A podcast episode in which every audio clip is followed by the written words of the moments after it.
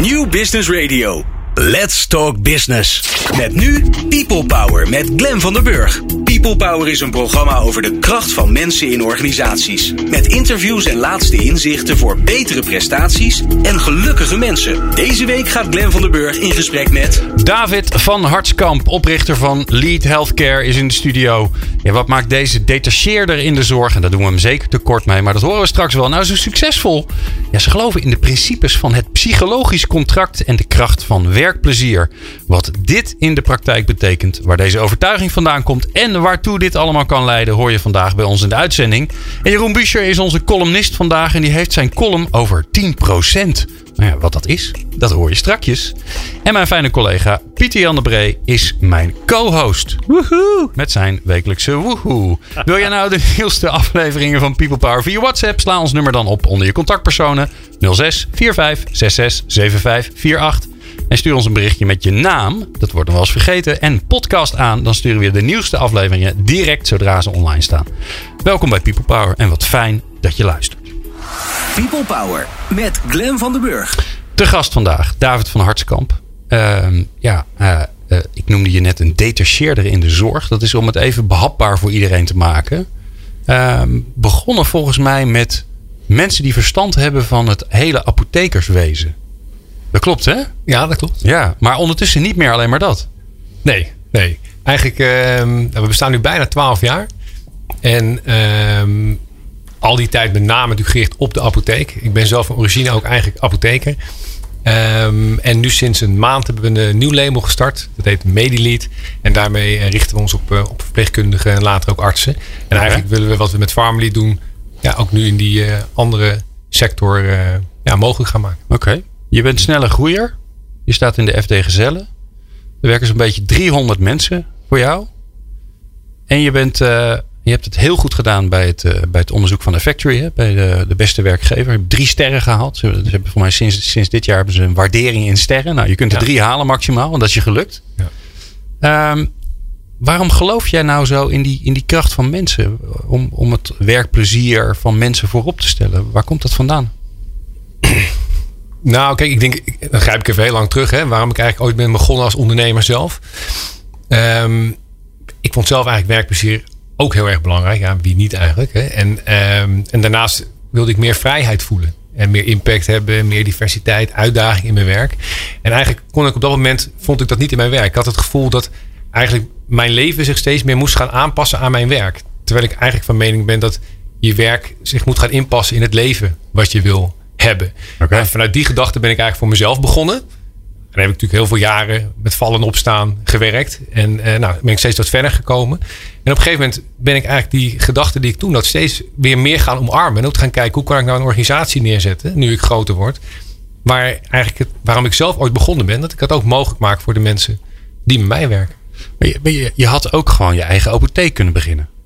Waarin je diezelfde principes toepast. Maar dat heb je niet gedaan. Ja, dat, dat, dat, dat had mogelijk gekund. Maar ik denk wel dat. Ik was toen 27 toen ik begon. Een ja. eigen apotheek beginnen is echt een stuk lastiger dan als je 27 bent in de apotheek. En je denkt, nou, weet je wat? Ik begin met mezelf te detacheren.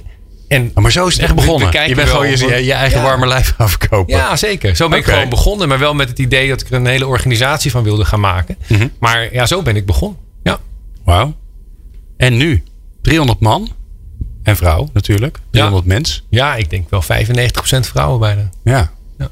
Hey, en um, ja, dat, dat werkplezier is belangrijk. Daar, daar geloof je in. Wat, wat, wat krijg je daar nou van terug van je klanten? Dus wat is nou het effect op jouw klanten daarvan? Nou, ik denk, ja, kijk, we krijgen daarvan hele, hele positieve reacties terug van onze klanten. Ik denk dat de, de professionals die wij inzetten, ja, dat, dat, dat zijn gewoon hele goede mensen. En dat is ook altijd, vind ik altijd soms het lastige, hè? als je kijkt van wat is nou eigenlijk een detacheringsbureau. Ik denk dat je gewoon extreem veel soorten en maten daarin hebt. Hè? En uh, er zijn heel veel zeg maar, hele goede detacheringsbureaus. Maar er zijn ook detacheringsbureaus die bijvoorbeeld zich alleen maar bezighouden met van een poppetje vinden voor een opdracht. Mm. Die daar neerzetten en, en dan is het prima. Maar bij mij, ja, wij zijn echt een zorgbedrijf. Dus wij trekken ook geen mensen aan die geen baan kunnen vinden. Of die eigenlijk in het AMC willen werken en daar via ons tijdelijk terecht kunnen. Wij trekken mensen aan die gewoon echt graag tijd lang uh, bij uh, mijn organisatie willen werken. Die verschillende opdrachten willen zien, die veel willen leren. Ja, die in, ja, in de, de groep die wij zijn willen werken. Ja, want wat jij zegt is dat, dat uh, net als jij, mensen dat eigenlijk zichzelf wel gunnen. Dat, het, dat, dat hun werk bij hun leven past. Ja, ja, absoluut. En ik denk dat dat echt heel erg van deze tijd is. En dat dat iets is wat je in de zorg nog heel weinig tegenkomt. En uh, ik denk dat dat ook één. Hè, vandaag stond het toevallig ook in het FD dat er een groot hè, dat het personeelstekort in de ziekenhuizen steeds groter wordt. En wij focussen ons ook vooral op ziekenhuizen, ook voor die verpleegkundigen, want die, die zijn al klant van mij. En, en wat, je, wat je ziet is gewoon dat er zijn allerlei collectieve afspraken. Terwijl je te maken hebt met allemaal individuen. Die eigenlijk op een heel, hele andere manier in de wedstrijd zitten. En het kan zelfs zo zijn dat je dit jaar, eh, bij wijze van spreken, heel veel werk-privébalans wil hebben. Om een bepaalde reden. Maar dat je volgend jaar dat eigenlijk niet meer nodig vindt. En wel meer zou willen werken. Omdat het verschilt. Uh, ja. en, en dat gaat niet. Ja. En, en dat in, in de praktijk in, uh, in de zorg nu in Nederland. En, en bureaus dat voor mij maakt dat wel mogelijk. Wij zijn daarin heel flexibel. Wat moet je dan... Want het klinkt als, alsof dat je ik vind dat zo'n mooi woord, hè? eigenstandig bent gaan denken. Dus uh, weet je nog wanneer dat was ongeveer? Dat je dacht, weet je wat, ja, wat waar ben ik mee bezig? Ik ben, uh, ik ben een beetje hetzelfde aan het worden wat iedereen aan het doen is. Maar dit wil ik helemaal niet. Weet je er nog, dat, dat, dat omslagpunt? Uh, dat vind ik een interessante vraag. Maar ik vind zelf eigenlijk wel dat ik altijd wel het anders bekeken heb dan, dan, dan, de, ja, dan gebruikelijk. Dan, dan, dan gebruikelijk. Ja, en wanneer was de maat vol? Je was ergens aan het werk en je dacht, nou ja, dat, dat, oh. dat was al heel snel. Ik, ik, denk, ik was 25, toen studeerde ik af. En ik was 27, toen begon ik voor mezelf. Je hebt het zeker twee jaar volgehouden in een normale ja. organisatie. Ja, ja. ja. ja. Goed, mooi. Dus het moest meteen anders. Je dacht, dit, dit, want was dat het leidende nou principe? Ik, dat je... ik wilde het voor mezelf anders maken. En ik denk dat ik vanuit die gedachte heel al vanaf het begin af aan gewerkt heb. Uh, maar toen mijn organisatie groot werd, begon ik ook natuurlijk steeds meer mensen aan te nemen op kantoor. En dan kom je op een gegeven moment op een punt van hoe kan ik nou uh, die visie misschien had ik het zelf nog niet eens door eigenlijk, hè, dat ik vanuit die visie werkte. Hoe kan ik die nou overbrengen op de mensen op kantoor, zodat we als organisatie ook zo gaan werken? Nou, en, ja, en, en dat is uh, ja, sinds nu, ik vind zelf sinds 2014 eigenlijk heel erg goed gelukt. En, uh, en ook onder andere, hè, wij, wij, wij hanteren dan, dat, dat noemen we het psychologisch contract. Nou, en dat is eigenlijk zoiets als van, kijk, als je ergens gaat werken, dan krijg je een arbeidsovereenkomst. Hè, dat is een contract. Maar tegelijkertijd zijn er allerlei uitgesproken en onuitgesproken beloftes die je, die je hebt als werknemer en als werkgever. En eigenlijk vormt dat het psychologisch contract. En, en wij hebben dat wat, wat concreter en tastbaarder gemaakt door, uh, door daar zes dimensies aan te hangen. Nou, en, en daar kijken we ieder kwartaal met onze mensen naar. Hoe, uh, één ding is bijvoorbeeld sociale sfeer. Nou, hoe is dat voor jou? Hoe vind je dat we dat doen in de organisatie? En de andere is werkinhoud of werk-privé-balans. En dat soort dingen. En, dat zijn en, dus... doe, doe, je dat dan met iedereen? Dus, dus want, uh, bij een detacheerde mm. of een uitzendbureau ja. zijn er altijd twee soorten medewerkers, gemiddeld gezien. Ja. De mensen die verkocht worden en de mensen die op kantoor werken, de, zorgen dat ze verkocht worden. Mm -hmm. even plat slaan. Um, en daar zie je toch heel vaak zie je daar een soort grote muur tussen staan. Hoe is dat bij jou? Ja, dat is, dat is, dat is bij ons niet zo. Nee, wij zijn ook allemaal gewoon collega's van elkaar. We, we noemen zeg maar, de gedetacheerden wel altijd professionals. Dat zijn onze zorgprofessionals. Maar eigenlijk bij ons staat, staat de zorgprofessional centraal. En dat vind ik ook wel interessant met ziekenhuizen of andere zorginstellingen. Zeggen vaak de patiënt staat centraal. Maar ik geloof daar eigenlijk totaal niet in. Want er zijn extreem veel patiënten in Nederland. Dus die ziekenhuizen en die zorginstellingen die zullen echt wel vol zitten de komende jaren. Het gaat erom dat je de zorgprofessional centraal zet. Dat die hè, eh, zich goed voelt werkplezier uh, heeft en kan werken op een manier die bij, bij hem of haar past. En, en dat maken wij mogelijk binnen onze, onze organisatie. En dat betekent ook dat wij. Geef dus, er eens een voorbeeld van. Nou ja, wij hebben dus uh, teammanagers. om, uh, onze professionals hebben een manager. En dat is niet een manager dus van de klant, maar dat is een manager van onszelf. En dat mhm. is als jij apothekersassistent bent, dan is jouw manager ook een apothekersassistent. En dat is een, een dame die bij jou in de regio woont, want we werken door heel Nederland. En die is voor de helft van de week zit ze in een opdracht bij een klant. Hè, dus ze blijft heel erg in de praktijk staan. In de andere helft van de week is ze de manager van een, nou, bijvoorbeeld een groep van uh, zo'n 20 uh, apothekersassistenten. Dus nou, op die manier is daar gewoon ja, heel veel uh, contact. Wat, wat, doet zij dan? Wat nou, doet de manager? De manager heeft uh, veel contact hè, met, haar, uh, met haar dames. Uh, hoe gaat het? Er wordt veel gebeld ook als mensen op weg zijn naar huis. En dan kan natuurlijk van alles gebeuren bij, op, op zo'n dag. Uh, maar zij gaat ook naar opdrachtgevers toe om daar te vragen van uh, hoe het gaat met de professional. En ze is daarin dus echt ook ja, een soort van de brug tussen de praktijk en uh, onze kantoororganisatie. Oké. Okay. Waar ik wel benieuwd naar ben zo, David, is um, ehm, de psychologische contacten. Je gaf al even aan, er zijn zes dimensies. Eh, ja, ik wil natuurlijk onge dat, dat, dat is met dat soort dingen. Als, dat, dat blijft dan knagen aan je, aan je brein. Dat je denkt, welke zes zijn het dan? Ja, dat hoor je straks. People Power. Inspirerende gesprekken over de kracht van mensen in organisaties. Met Glen van der Burg. David van Hartskamp is uh, te gast. De oprichter van uh, Lead Healthcare. Uh, dat is grappig, hè? Tegenwoordig uh, zeggen wij geen uh, directeur of eigenaar of ondernemer meer, maar oprichter. Hè? Dat is een beetje de nieuwe, nieuwe geuze term die. of CEO. Ja, ja wat, wat wil je eigenlijk, David? Wat, is dat oké, okay, oprichter? Voel je je oprichter? Voel je je CEO? Voel je je ondernemer? ja, all nou, of the above? Ja, eigenlijk wel. Ik voel me ondernemer, oprichter en ook uh, de, de, CEO of de, de directeur. De directeur, ja. Maar ik heb zelf in mijn e-mailtekening CEO en founder staan. Ja, hè? Dat is toch wel een ding geworden. Waar ben je het meest trots op, op van die twee? Op het founderstuk. Ja, toch? Ja, maar ik ben er eigenlijk ook heel erg trots op dat ik ook CEO ben. Want wat je veel ziet in snel groeiende ondernemingen, dat is ja, de ondernemer zelf op een gegeven moment zich niet meer prettig voelt in de organisatie. Nee. Of niet doorgroeit met de organisatie. Ja. Toen ik in mijn eentje begon en alles zelf deed. Hè, tot de administratie en, uh, en acquisitie. En uh, ook nog daarnaast werken. Want ik detacheer natuurlijk ook mezelf. Ja. Dus ander werk, werken in de apotheek. Ja, dat, dat nu is het natuurlijk heel ander, uh, heel ander soort werk geworden voor mij. Ja, dus je, je, je vindt het knap dat je meegroeit met de organisatie. Dat je dat aan kan eigenlijk. Als ik het goed versta. Ja, ik vind, ik vind het knap. Ik vind het ook heel erg leuk om mezelf te ontwikkelen, merk ik. En dus Ja. dat het heel erg bij mij past. Dat ik ook zelf verder leer. En uh, ja, dat ik in deze nieuwe rol nu uh, ja, voel ik me erg prettig. Leuk. David, we hebben het er net al even gehad. Hè, dat je er, ernstig gelooft in werkplezier. En dat, uh, dat werk zich een beetje aan je, aan je leven moet aanpassen in plaats van andersom. Dat is al, dat is al een bijzondere visie. Neem eens mee. Ik, uh, ik, ben, uh, ik ben zorgprofessional. Ik uh, kom bij jou werken. En dan? Hoe gaat het in zijn werk? Hoe zorg jij ervoor dat het werk zich aanpast aan mijn leven? Nou, kijk, wij gaan met jou kijken van uh, waar liggen jouw behoeftes op werkgebied? He, dus uh, uh, wat voor soort opdracht zou je willen doen? En daar begint het eigenlijk mee. Nou, daar kijken we eerst naar. Hè, dus moeten we jou heel goed leren kennen. Hè, wat, want ja, de ene verpleegkundige of de ene apothekersassistent is de andere natuurlijk niet. zijn verschillende specialisaties, maar ook verschillende voorkeuren. En hoe leer je mij kennen? Hoe, hoe gaat het in zijn werk? Nou, dat gaat in het begin, hè, in, een, in een sollicitatieproces, uh, leer, je, ook elkaar kennen. En als je op een gegeven moment denkt van nou, we gaan met elkaar in C, dan, uh, nou ja, dan, dan, dan, kom je bij, bij ons werken. maar daarna heb je heel veel contact met je, met je teammanager, die eigenlijk daar ja, hè, dat, het zal niet dagelijks zijn. Als jij die behoefte hebt, kan dat. Maar die zeker iedere week met jou contact heeft over, over hoe het gaat en, en waar jouw behoeftes liggen. En dat kan dus heel goed wijzigen. Het kan best zijn dat jij hè, in, je, in het gesprek dat jij je contract tekende bepaalde dingen aangaf, die misschien een jaar later anders zijn. Hmm. En dat, dat is heel goed mogelijk. Ja. ja. En als ik nou, hè, stel je voor, uh, ik wil alleen maar bij academische ziekenhuizen. Dat vind ik interessant. Ja. En je hebt toevallig geen opdrachten. En Ja. dan?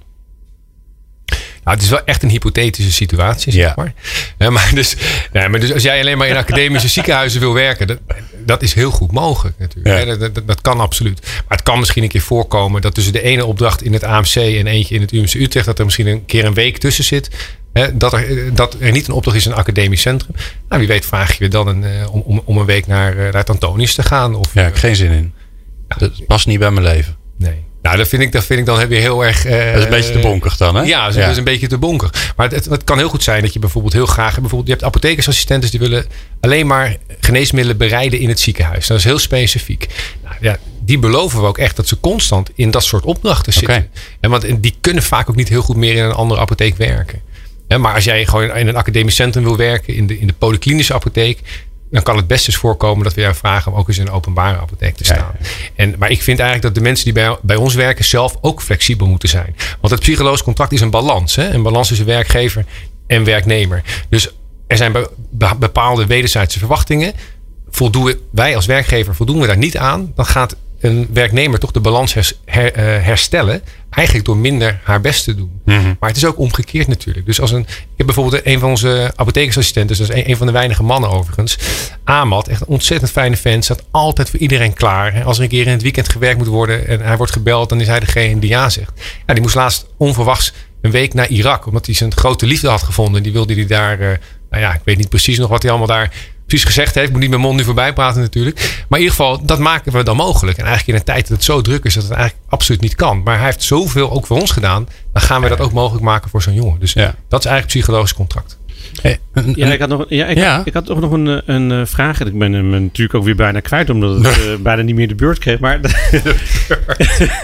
ik had mijn vinger omhoog. Nee, ehm, wat wilde ik eh, eh, vragen? Ja, we, gingen er, we gaan er nu een beetje van uit, eh, David, dat eh, we hebben het over de zorgprofessional. En ik denk dat dat klopt, maar even ter toetsing. Je hebt twee labels, hè? je hebt eh PharmaLead en MediLead.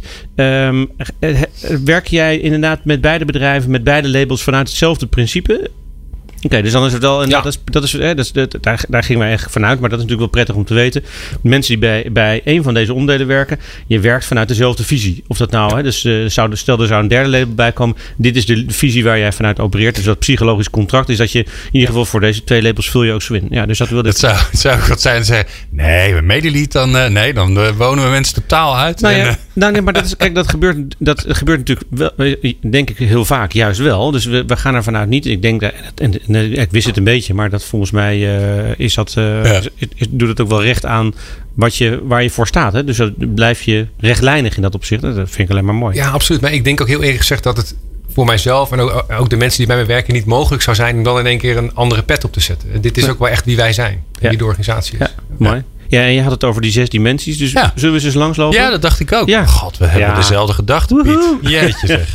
We, kunnen het gewoon met één van, één van de twee doen. Het is efficiënter en saaier. ja, veel saaier. Ja, neem ons eens mee. Zes dimensies nou, van het psychologisch contract. Daar gaan we. Sociale sfeer, Ja, organisatiebeleid, ja, loopbaanperspectief, werk-privé-balans, werkinhoud en waardering. wauw. Welke is het moeilijkste om eh, aan te voldoen? Welke is het eigenlijk, waar wringt die? eh, welke is de makkelijkste en welke is, eh, is de moeilijkste? Ja, Een ja. moeilijke vraag. Ja, het is echt, echt wel echt een moeilijke vraag. Ik moet heel eerlijk zeggen dat toen ik hierheen reed, ik daar ook even over nagedacht heb. Maar het is echt een moeilijke vraag. Waarom? Omdat het zo individueel gebonden is. Nou ja, Dus ja. het is echt per professional anders. En ik denk dat dat ook juist de kracht is van mijn organisatie. Omdat je dus in een, in een ziekenhuis of ergens anders heb je allerlei ja, vaststaande afspraken die voor een- iedereen gelden. Heb je aan de CO te houden, et cetera. En, en, en wij kunnen gewoon dingen specifiek benaderen. Heb jij je niet aan een CEO te houden die ook in de weg zit? Want ik kan me voorstellen dat je, dat je iets anders voor staat dan, wat, dan waar de CEO voor staat. Uitzend CEO, denk ik, Ja. of niet? Nee, Nee? nee, Oké. nee, nee. Nee, wij, wij moeten ons zeker aan een, aan een CAO houden. Hè, maar voor, voor ons is dat helemaal geen enkel probleem. Maar wij moeten ons houden aan de CAO's van onze opdrachtgevers. Maar dat is de ondergrens hè, waar, je, Ah, ja, waar ja. je mee te maken hebt. Ja. Dus wij, wij hebben eigenlijk heel veel mogelijkheden daarin. Eh, en- en dan heb je het, als je het over CO hebt, natuurlijk echt over arbeidsvoorwaarden. Daarnaast kunnen wij natuurlijk heel flexibel zijn in, oké, iemand werkt bij ons 24 uur. En mensen zijn bij ons gewoon op vast contract. Hè, dan werken 24 uur. Maar als iemand tijdelijk 16 uur wil werken of 32, dat, dat kan allemaal. Er zijn heel veel dingen mogelijk. Als je geen diensten wil draaien, dat kan allemaal. En dat soort dingen zijn vaak ook lastig in een eh, andere organisatie. En eh, David, moet ik het dan zo voor me zien dat die, die zes eh, onderdelen van dat psychologisch contract, dat dat, dat dat de leidraad is voor de gesprekken die gevoerd worden met, met jullie professionals? Ja. Van hoe is het met je? En dat je eigenlijk die zes steeds afloopt door te kijken van zijn er dingen in veranderd? Zijn er, zijn er dingen die je anders wil? Want ik- zeker werk-privé. Ik kan me voor, voorstellen als je, nou ja, als je, als je net een, eh, een kind krijgt. Zeker als vrouw, maar als man ook. Dan heb je even andere dingen aan je hoofd. Eh, en dan, eh, dan is die werk-privé-balans totaal anders dan dat je kinderen net het huis, het huis uit zijn. En denkt, eh, nou, ik heb eigenlijk wel weer heel veel ruimte. Ik wil wel, ik wil wel weer extra gas geven. Ja.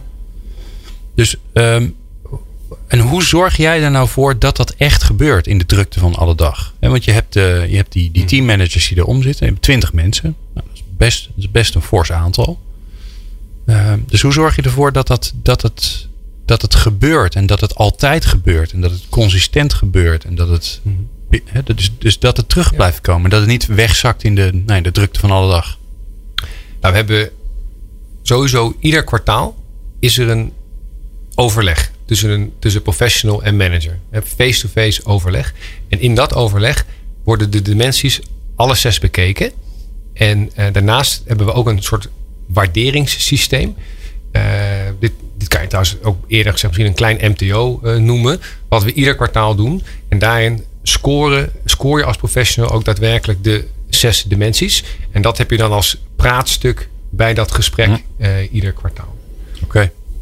Oké, dus elk kwartaal heb je een medewerkerstevredenheidschecklist, zeg maar, om te kijken hoe, hoe zit iedereen in, erin op die zes dimensies. Ja, klopt. Alright. klopt. En daarnaast meten we ook gedurende het kwartaal en het hele jaar door. En dus bijvoorbeeld als iemand in een nieuwe opdracht start. En je, volgens mij even uit mijn hoofd is het op de derde dag.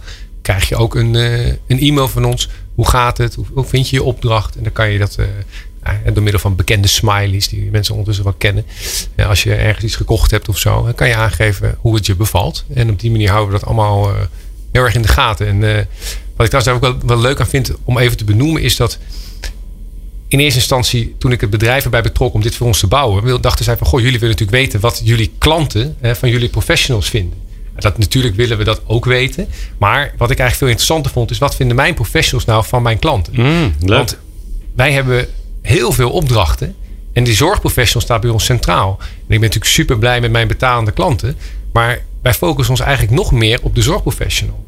Dus, en ik weet, er zijn klanten waar het minder leuk is om te werken. Nou, en dat proberen we nu steeds meer inzichtelijk te krijgen. Hè, want ook als wij nog in de toekomst verder, verder willen groeien op dat, dat beste werkgeverstuk. En we hebben ons de ambitie gesteld dat we de beste werkgever van Nederland worden. Wat best wel ingewikkeld is. Hè? Want kijk, bij mij op kantoor heb ik het idee, dan lukt dat wel. Want het is een fantastische plek en we regelen allemaal mooie dingen. Maar ik heb ook apothekersassistentes, eh, verpleegkundige apothekers door heel Nederland werken.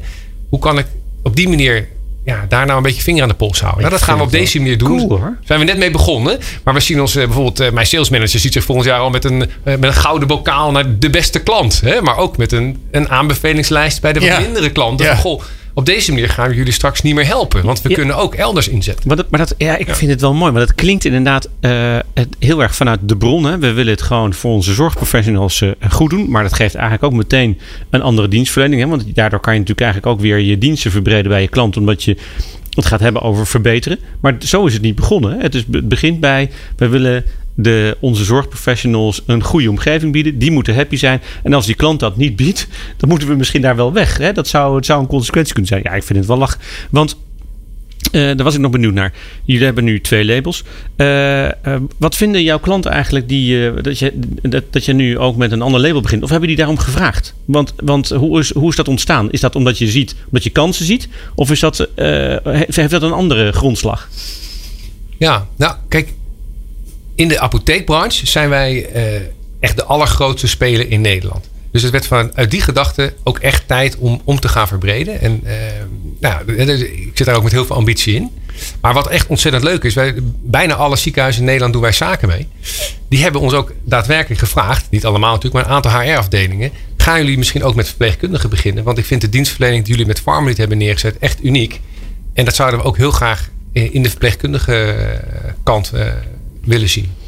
Gaaf. Nou, mooi. Dankjewel. Leuk om te horen. Dat is het mooiste toch? Als je klanten gaan vragen om meer. Ja. Beter kan je niet hebben. Ja, maar bijzonder, één puntje dat ik nog kan zeggen.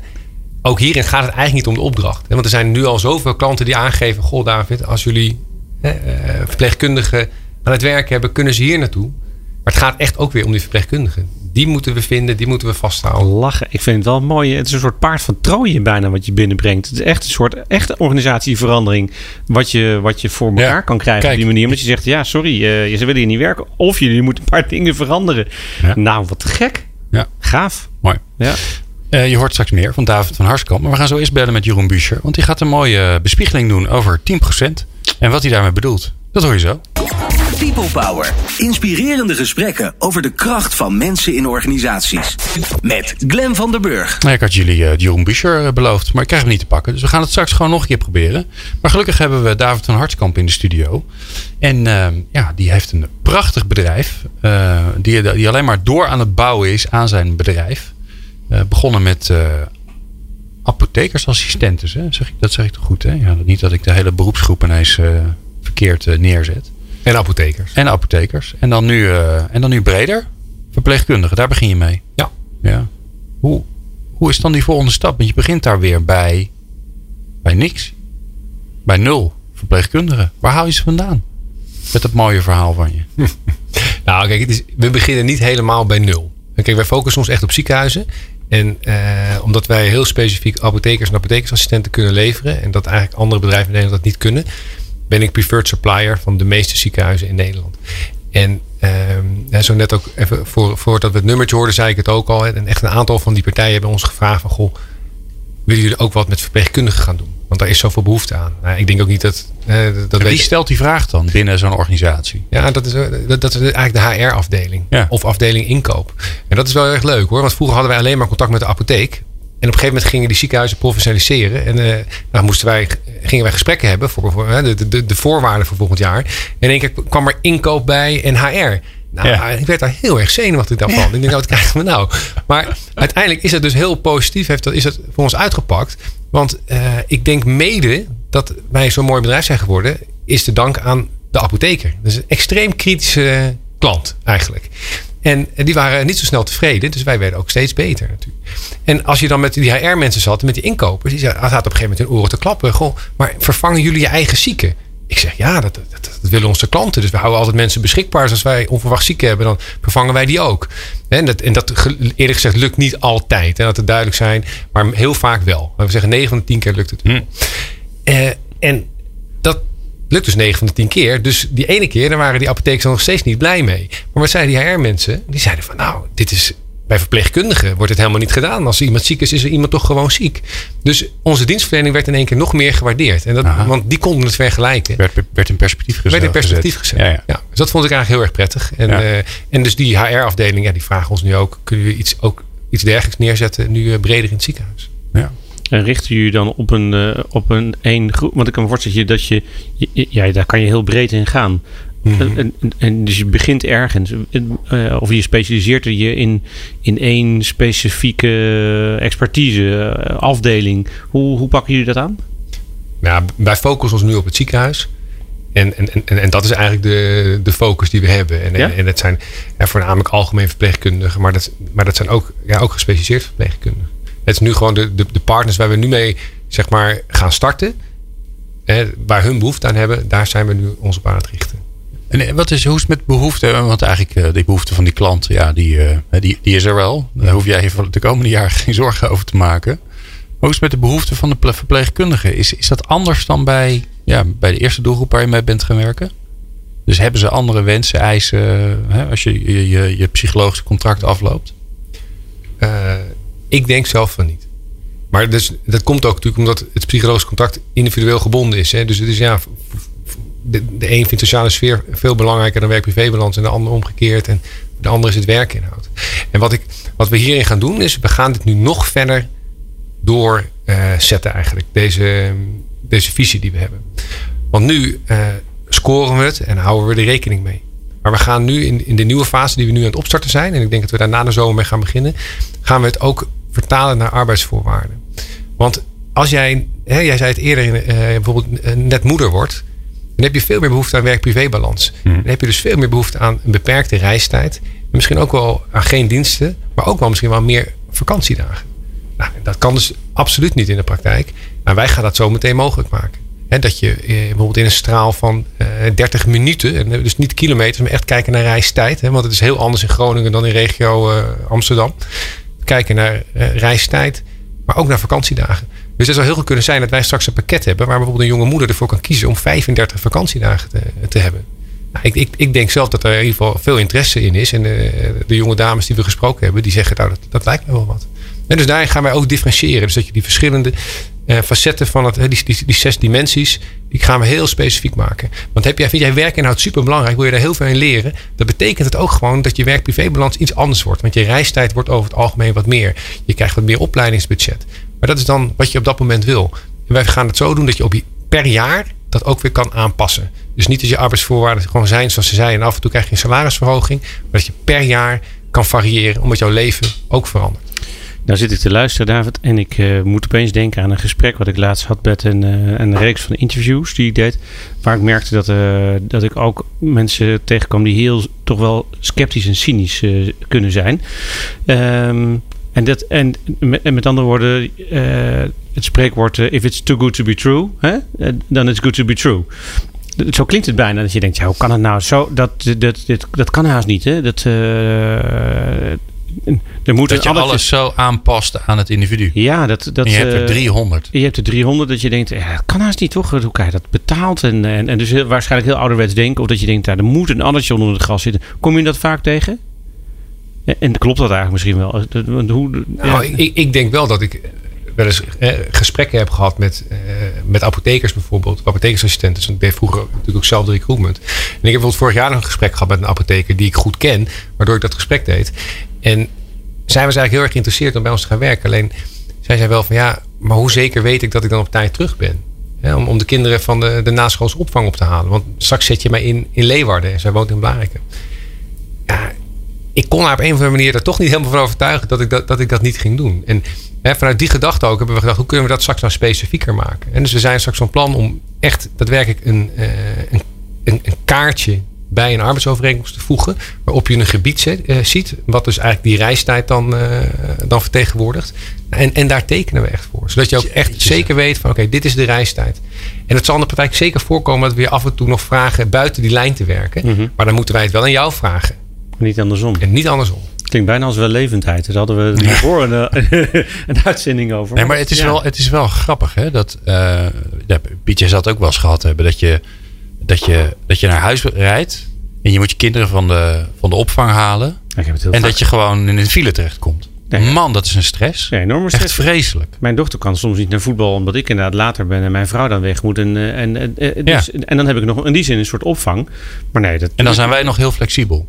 Ja, absoluut. En ik, en hoe, en ik ben, zit ook niet elke dag eh, op een opdracht. Dus het is eh, eh, absoluut een groot verschil. Maar nee, Ja. je zal het maar dagelijks moeten hebben. Maar wij kijken naar gemiddelde reistijd. Hè? Ja. Want kijk, ja, zo'n excess kan altijd natuurlijk nog Ja. gebeuren. Maar wat wij, wat wij doen, ik heb een systeem laten maken dat kijkt naar de gemiddelde reistijd vanaf een postcode eh, van de afgelopen 12 maanden. Ja. En die neemt de gemiddelde daarvan. Mooi. En we kijken dus hè, naar de reistijd dat je om 9 uur op een opdracht moet zijn en om 5 uur naar huis Ja, gaat. maar je kijkt dus al naar de tijd dat ze er, er moeten zijn en weg moeten gaan. Ja, ja. Ja, dat is toch fantastisch al. Ja, maar het voorbeeld wat jullie net gaven, want ik het moet niet too good to be true worden natuurlijk.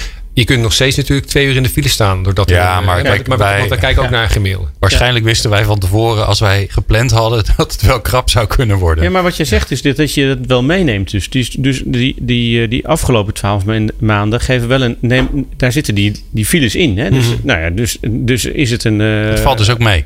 Ja, Ja. ik denk niet dat het een hele grote verrassing is. Want eh, inderdaad, op het moment dat het druk wordt, druk wordt. en je neemt dat mee van de afgelopen tijd. ja, dan kan, je, dan kan je gebied dus ook veranderen. omdat het zich niet meer waar kan maken. Hè, dus dan kan jouw afgezet gebied waar jij terechtkomt eh, ook eh, veranderen. Ja, heel, heel mooi eigenlijk. Heel wat vind je nou lastig? Waar, waar geloof je heilig in? En dan merk je gewoon, het is wel lastig om het voor elkaar te krijgen. Ja, jij zei, mag, ik, mag jij nog even nadenken? Jij zei net eh, zei tegen mij, eh, ja, een Chinees spreekwoord eh, zegt... als je maar lang genoeg zeil houdt, hè, koers houdt... Dan, dan kom je vanzelf op de plek van bestemming. Maar daar kom je jezelf natuurlijk een paar keer tegen. Dus wat, wat, wat hè, dat is volgens mij wat jij bedoelt... als ik je aan mag vullen... waar, waar, waar, moet je, waar word je nou elke keer op gechallenged? Dat je denkt, oh ja, oh ja, oké, oké, oké. Nou, Een ander voorbeeld. Nou ja, Als je, ja, nou je weet hem. Nou, kijk, ja, goh, kijk, wat vind ik lastig? Kijk, als je een snel groeiende organisatie hebt, is het bijvoorbeeld lastig hoe je organisatiestructuur eh, verandert. En dat, dat, dat is iets wat heel, heel lastig kan zijn. Ehm, het is, eh, ja, dus dat soort dingen, ja, dat soort dingen zijn lastig. Ja. Maar ik moet het eerlijk zeggen, ja, eh, niet te veel een groot cliché van maken, maar het zijn ook uitdagingen. Je, je wil er weer iets, iets moois van maken natuurlijk met, met z'n allen. Ja. Nee, maar, nee, maar wat was lastig? Dat was, wat echt was dus ruim een jaar geleden. Dat was heel lastig. Dat wij dus te horen kregen van eh, onze mensen van joh, eh, ik voel me af en toe een nummer of eh, jullie, Oh, jullie daarin. Ja, echt zo'n standaard Ja, toch? ding. Hè? Maar Ja. waarvan jullie daarin baren en wij maar hard werken. Kijk, dat was echt natuurlijk een, een soort van rode vlag. Dat je denkt, god, wat moeten we hiermee? Ja. En toen hebben we de organisatie veranderd. Dus dat is echt een uitdaging. En toen hebben we dus die teammanagers waar ik het eerder over had ingevoerd. Want we hadden eerst centraal people managers. En, en die deden dat allemaal vanuit Baren. Hadden een hele andere achtergrond, vaak HR-achtergrond. Die hebben, hebben we veranderd. Teammanagers van gemaakt. En we hebben een service center geopend. Wat we ook terugkregen van, goh, als ik een vakantiedag aanvraag of ik wil snel een keer een dag vrij, duurt het allemaal zo lang? Nou, voor allemaal dat soort dingen kunnen ze nu een speciaal nummer bellen, onze professionals. Word je binnen 24 uur heb je uitsluitsel van hoe en wat. Hè, dus dat was toen dat met even een heel lastig ding, maar dat kwam door de groei van de organisatie. Dus dat we de organisatiestructuur moesten Ja. aanpassen. Ja, ja, dus, ja, ja, ja, mooi. Mooi. Uh, we praten zo nog verder met uh, David Hartskamp. Maar we gaan ook nog een. Uh, we gaan ook Jeroen Buscher bellen. Ik kreeg net, kreeg net van hem door dat hij bereikbaar is. Dus we gaan Jeroen, Buscher, Jeroen bellen over zijn 10%. En daarna kletsen we nog even door met David van Hartskamp over zijn mooie bedrijf. Dat hoor je zo. In een grote leren fauteuil. Met een boekenkast vol kennis. Mijmert hij over het werkende leven. Hier is Buschers bespiegeling. Even het koor uit laten zingen hoor. Jeroen Buescher, je bent er. Je weet, het, je weet in het kader van de nieuwe tabakswet dat deze jingle binnenkort niet meer mag. Hè? Nee, zeker. Zeker. Verwijst, verwijst te veel naar een sigaar. Ja, is waar. Die gaan we eruit knippen. Je zit een, uh, onder het genot van een glas whisky. Maar dat mag ook niet meer waarschijnlijk.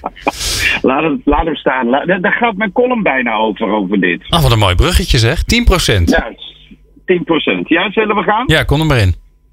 Ach, ach, ach. En dat is een fantastisch beroep. En dan meen ik zonder enig cynisme. Dat is echt geweldig beroep. Je mag namelijk eigenwijze, zelfstandig werkende professionals helpen faciliteren en ook nog proberen beter te maken. Hoeveel moois kan je in je beroep samen hebben? En, en ik denk dat, dat, dat de afgelopen tien jaar is manager zijn wel eens een beetje de, verliezer van, de, van het verjaardagsfeestje. Hè? Dat je op de lijn NS-KPN zat, dat je moest uitleggen waarom je manager was. Maar ik denk dat, we dat de glorieuze tijden weer gaan aanbreken. Manager zijn is steeds meer toch een fantastisch beroep. En waarom? Je mag gewoon de helft van je tijd besteden aan zien wat er speelt in teams, zien wat er speelt bij mensen en kijken hoe je ze kan inspireren, hoe je ze kan helpen, hoe je ze mooier en beter kan maken. Ja, nou ja, en dan ben je 40% van je tijd ben je natuurlijk kwijt aan ja, de dingen die ook moeten gebeuren hè, voordat je aan het werk kan. Dus uh, dat zal er wel vergaderen zijn. Er zijn natuurlijk, laten we niet vergeten, je rol als manager ook corporate dingen. Uh, je bent namelijk niet alleen verantwoordelijk voor je team, maar natuurlijk ook voor de organisatie. Dus dat moet ook gebeuren. Er moet dingen en dangen. Ze moeten nog eens een keer een kopje thee drinken. 40% van je tijd ben je aan allerlei corporate en ander gedoe ben je kwijt. En dan, dan houden we iets over. 10%. En ik denk dat dat maakt het beroep van 10% echt waarom management een van de mooiste vakken ter wereld is. Want die 10% regel die gaat over het vervolg. Het volgende, die 10% is bedoeld voor, daar ga ik nou eens even lekker zin in. Mijn broer sprong ooit een keer in onze achtertuin op een oud konijnenhok wat wij hadden staan, wat al een paar jaar niet gebruikt werd. En nam een aanloop, sprong op het dak en dat hele ding kletterde in elkaar, alles kapot. En ik vroeg hem verbaasd, waarom doe je dat nou? En hij zei, daar ga ik nou eens even zin in. 10% betekent dat je als manager moet, moet voorstaan op, ik ben hier de manager, dat is ook een leidersrol. En dat betekent, 1 op de 10 dingen die ik doe, die doe ik omdat ik daar gewoon eens even zin in heb. Die zijn dus onredelijk, onvoorstelbaar, beetje raar, verwarrend, wat dan ook. Je weet nooit wat je helemaal aan hem of haar hebt de 10% regel is, daar had ik nou zelf eens even lekker zin in om te doen. En vervolgens, 90% van de tijd, rennen, vliegen, springen en weer opstaan om al die prachtige professionals te faciliteren, te ondersteunen, de weg voor ze vrij te maken, goed naar ze te luisteren wat de visie van de organisatie van morgen moet zijn en die voor hen te formuleren. Fantastisch coachend langs de kant staan en zeggen: Kom op, want hebben we toch een fantastisch beroep. Maar die 10%, de vette kers op deze prachtige taart. Mooi. Jeroen. Ik zou zeggen, ga die 10% nu gewoon doen. Ja, misschien dat, dat ik. Dat ik uh, of moet je gewoon naar huis rijden? Maar was vanmiddag was al die 10%. Jij was, jij was gewoon precies op het moment dat je, je, dat je je column moest doen, was je bezig met je 10% rare dingen doen. Ja, ja, ja. Nou, ik, ik dacht ook van tevoren. We, we, weet je wel, we vergeten soms wel eens in al ons enthousiasme van andere mensen helpen. Dat je soms voor jezelf eens een keer iets moet doen. En, uh, en toen dacht ik, weet je wat, daarover gaat mijn column. Ik heb hier nou eens even lekker zin in. Gewoon omdat ik er zin in had. Hartstikke goed. Jeroen, dankjewel. Ik spreek jou na de zomer weer, want uh, dan uh, gaan we gewoon weer gezellig door met Buschers bespiegeling. omdat ik daar ook zin in heb. Zeker. People Power met Glen van den Burg. Ja, David. ehm, doe jij dat? Die 10% waar je gewoon zin in hebt? Maffe dingen, rare dingen, tijd voor jezelf. Ja, ja, te weinig. Ja. Maar ik doe het zeker wel. Ja. En wat doe je dan? Nou ja. Ja, ik weet niet of, of dat maf is, maar tijd voor mezelf. Gewoon, ik, ik tennis graag. Eh, Ik vind het heerlijk eh, om, om met vrienden een drankje te drinken. Of ze naar een festival te gaan. Eh, ja, dat soort dingen. En tijdens je werk? Tijdens ja, wanneer ben ja, dat is een goede bij ondernemer altijd interessante vraag. Hè? Wanneer ben je aan het werk? Ja. Ja. Ja, maar tijdens het werk bij ons op kantoor doen we ook zeker gekke dingen. We hebben, we, hebben een, vrij oude kantoorvilla met een hele grote hal. Als je bijvoorbeeld als je jarig bent, mag je op de bordes staan en dan word je toegezongen door iedereen. Dat is dan heel erg leuk om te zien hoe iedereen erop reageert. Maar dat is echt een soort van traditie geworden. Maar wat we ook doen, we starten iedere maandagochtend de week met van wat was je hoogtepunt vorige week. Hè, zowel werk als privé. Eh, we hebben een, Dat doe je met iedereen? ja, dat doen we met iedereen op kantoor dan. Hè? Dus dat is, eh, anders zou het niet, niet te doen zijn. Nou ja, dat zijn er ook meer dan vijf, denk ik. Ja, zeker. Dat zijn er zo'n 35 eh, meestal Ja. op de maandag. Dus dan, dan doen we dat, eh, dat met elkaar. Maar ja, dus eh, we, we borrelen ook graag op kantoor. We hebben een eigen keuken eh, met eh, een kok erin. Dus we proberen er echt voor te zorgen dat het een hele, hele leuke plek is. We hebben een hele grote tuin. Wordt gevoetbald, gesjödeboeld. Ja, Dus wij moeten nodig een, keer, nodig een keer bij jou langskomen tijdens de lunch. dat zou ik Om, zeker om verder kennis te maken. dat toch? zou ik zeker Ja, zeker. Ja, ja, ja. ik denk dat dat heel verstandig Ja. is. Wauw, jeetje zeg. hey, ehm, we zijn er bijna doorheen. David, uitsmijter voor, ehm, voor de luisteraar. Die misschien denkt, jeetje zeg, wat, wat, een, wat een dappere keuze. Die voor jou heel normaal is. Wat, wat zou je de luisteraar mee willen geven? Als hij, als hij meer, nou ja, meer werkplezier, meer de, het werk wil, eh, wil laten eh, aanpassen aan het leven in plaats van andersom. Ja, denk er goed over na voor jezelf wat dat dan is. En en ga daar ook gewoon voor staan. Hè? Ook met je, met je manager of, of, of je leidinggevende. Nou, geef gewoon heel duidelijk aan hoe het voor jou goed zou zijn. En eh, zie dat als uitgangspunt. In plaats van dat jij je aanpast aan wat de organisatie van je wil. Ja. Dus ga, dat, ga zelf ook dat gesprek aan. Ja. Neem daar zelf het voortouw in. Neem zelf daar het voortouw Ga in. niet zitten wachten. Ja, ga niet zitten wachten en klagen. Maar neem zelf het voortouw. Ja. Ja. En mocht je nou verpleegkundige zijn en denk je, ja, dat gesprek heeft tot niks geleid, kunnen ze altijd jou bellen. Absoluut. Ja, zeker. Ik vond het bijzonder leuk dat je er was. David van Hartskamp, eh, oprichter, vooral oprichter van het mooie bedrijf Lead Healthcare, die eh, nou ja, na, de, na de apothekersmarkt eh, nu ook de verpleegkundige markt gaat bestormen. En eh, we gaan je in de gaten houden wat er allemaal uit gaat komen. Uh, Pieter Jan, bedankt. Fijn dat je, fijn dat je co-host was. Wij zijn er volgende week weer. Ja. Eh, dan hebben we Mark Vletter van Voice Telecom in de uitzending. En Sibren Houtman van ELO. En daar praten we mee eh, over verbinden. Iedereen heeft het daar altijd over. Maar de grote vraag is, hoe doe je dat dan in een organisatie? Zonder leidinggevende. Dat is natuurlijk wel spannend. Eh, en we kijken terug op het werkenergie-event dat eh, ELO, Factor 5 en People Power samen organiseerden. Voor wel geteld 23 veranderteams tegelijk. Yep. Hoor je allemaal volgende week. Fijn dat je luistert. En als je niet kan wachten, ga dan naar peoplepower.radio. Kun je heel veel luisteren. Tot volgende week. Meepraten of meer programma's? people-power.nl